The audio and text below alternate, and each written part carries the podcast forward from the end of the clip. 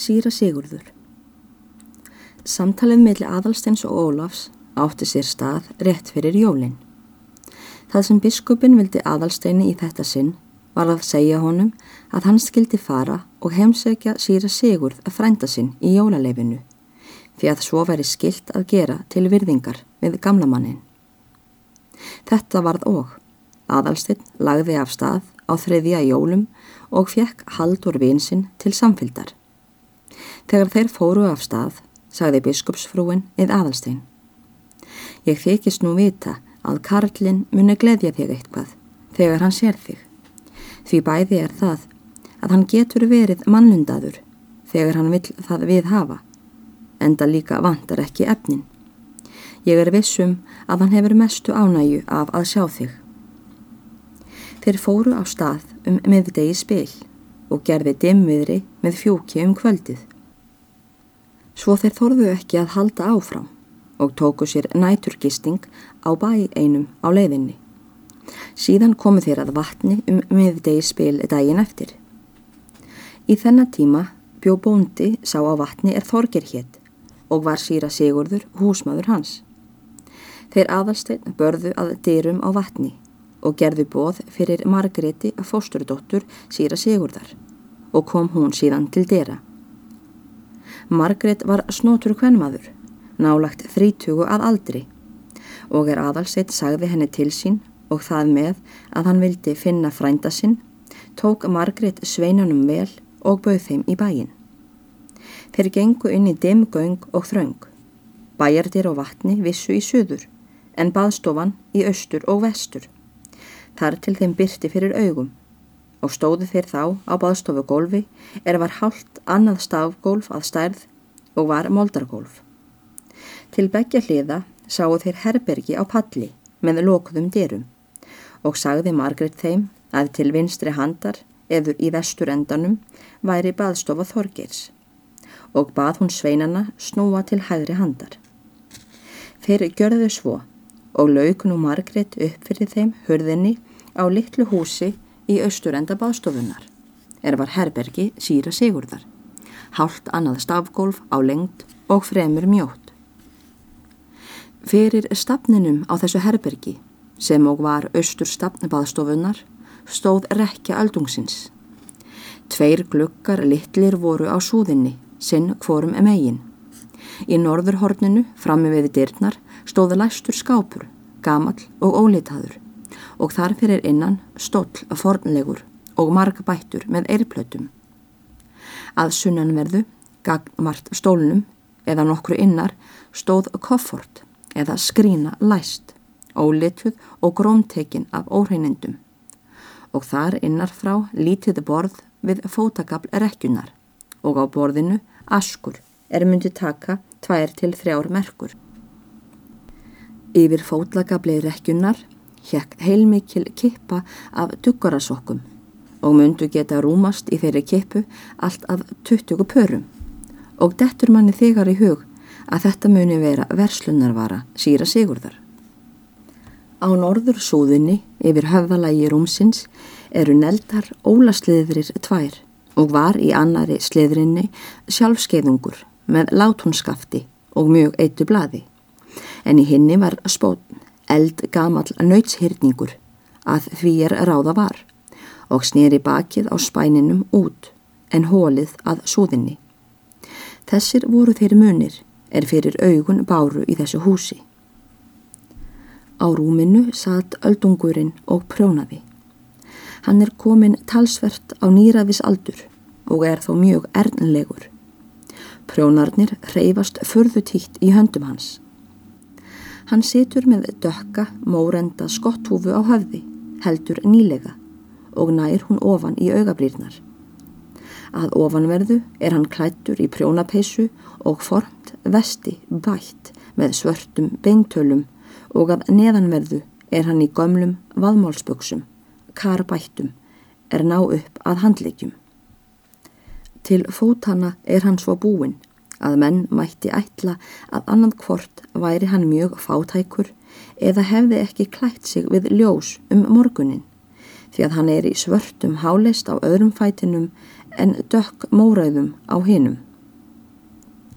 Framundan augabrúnum öldungsins sem eru miklar, lísa grá og snur augu, ekki stór en hörð eins og tinnur og festir hann þessu augu á aðalsteini þá er Margret, segir honum, hver komin er til að heimsækja hann og er sveinarnir síðan ganga að hinnum gamla manni til að helsa honum með kossi, tekur hann ofan húfuna og verður þá bert að hann er ber sköllóttur, aðeins með lítil fjörlega gráa skúfa bak við bæði eirun. Ennið er svo hátt og svo vaksið að það virðist fullt svo breytt að ofanverðu sem að neðan og vottar yfir bræðið fasta lund og einbeittan vilja. Niðurandlitið er fremur mjótt með við gráan híjung á vöngum en að því er varaskegg snertir. Þá er auð séð að það hefur verið klift nýlega með skærum svo nærri hörundi sem hægt var. Þegar þeir hafa heilsast setur síra Sigurður húfuna upp aftur og býður gestunum til sætis og sest aðalsteinn á skrínuna en haldur á stólinn. Eftir það heldur síra Sigurður áfram að prjóna. Margrét fyrir út og lætur aftur hurðina en sem hún gengur út erðir síra Sigurður á hanna og mælist til að hún færi sér að þorstadrykk. Það álit sem aðalsteinn fjekk nú á kjörum frændasíns er hann fyrst sá hann var ekki glæsilegt en það hafði hann af orðrómnum búist við að sjá allt ríkmannlegara inni hjá síra Sigurði en raunin varða nú á. Honum kom til hugar spakmælið margur ætlar auð í annar skarði og er hann virti fyrir sér þessa muni sem herbergið hafi að geima og áður er getið og þar með hinn fornfálegu rúmfödd í rekkjunni og hinn að stagbættu garma sem öldungurinn var í sjálfur. Þá þótti honum auð sætt að hér væri ekki feitan göllt að flá. Því varð meðemkunin hinn fyrsta tilfinning er greip hjarta aðalsteins við þessu sjón og fannst honum öldungurinn eiga betra skilið að afloknu ævinar dagsverki en að lifa við svo lítilmótlega kjör og meiga enn ekki gefa sér tómstund frá vinnunni. Nú tókst umræða með þeim og spurði síra Sigurður almæltra tíðenda og varð aðalsteinn einkom fyrir svörum.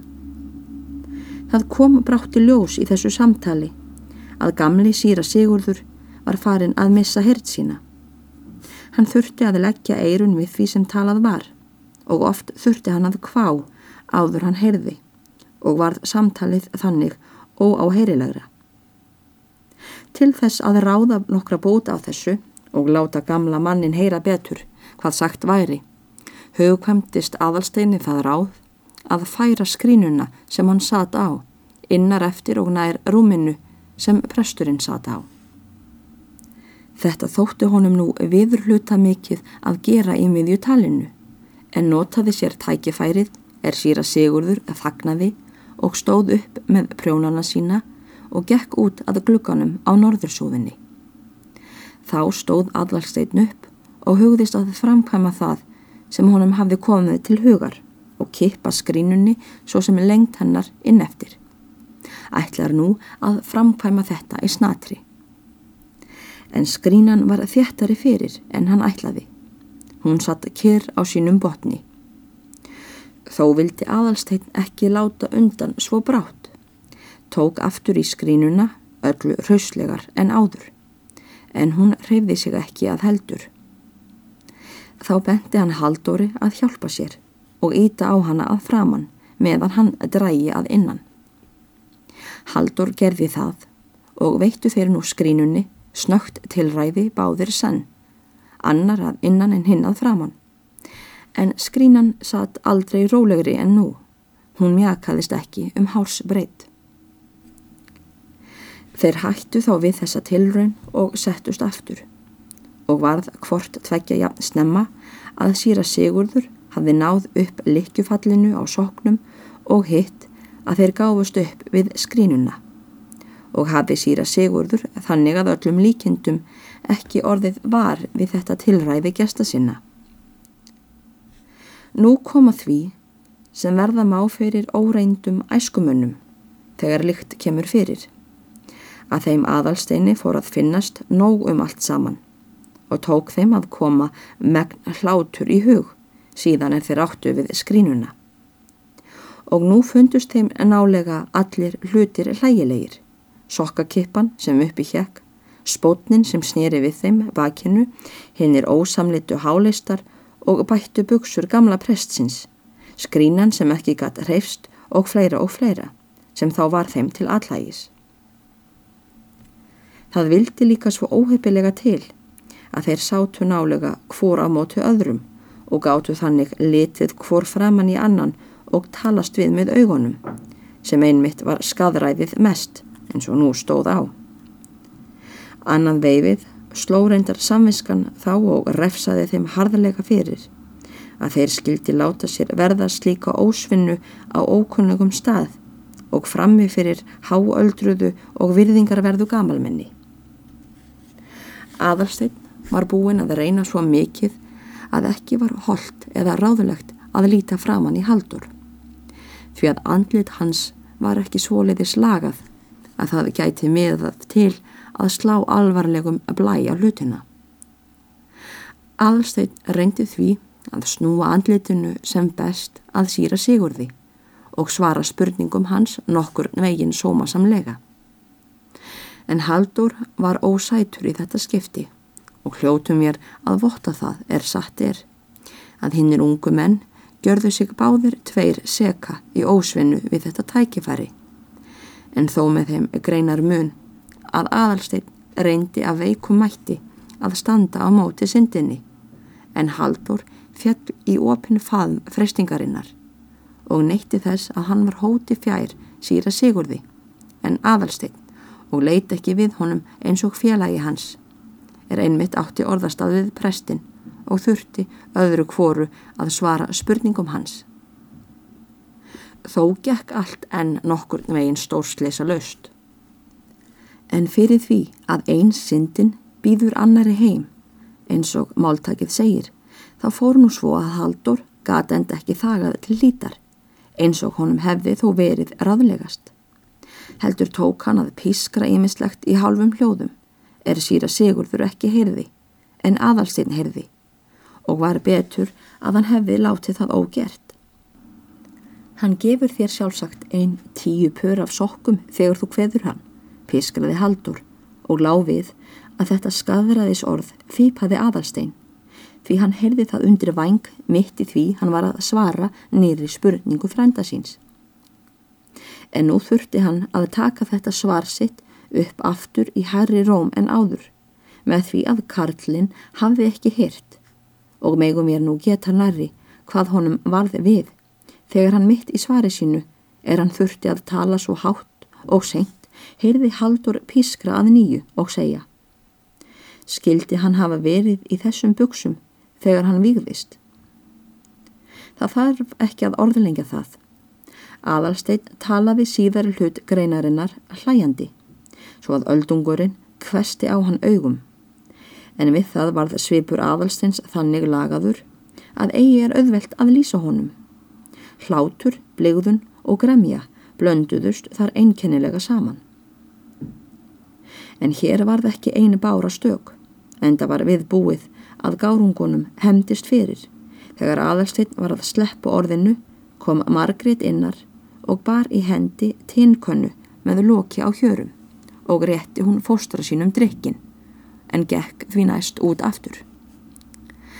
Sýra Sigurður, er hann hafi tekið við könnunni, þá tók hann ofan húfuna af höfði sér sem virtist benda á að hann væri eigi vanur að neyta hann eins utan berhöfðaður. Laug síðan upp könnunni og slókaði drikkin nokkuð hrauslega sem síndi að hann hafði verið mjög þyrstur let síðan könnuna niður á gólfið hjá rúmi sínu og setti þeirra næst húfuna upp aftur. Og á meðan þetta gerðist, bárust gestir hans líkt af og sátu sem á glóðum.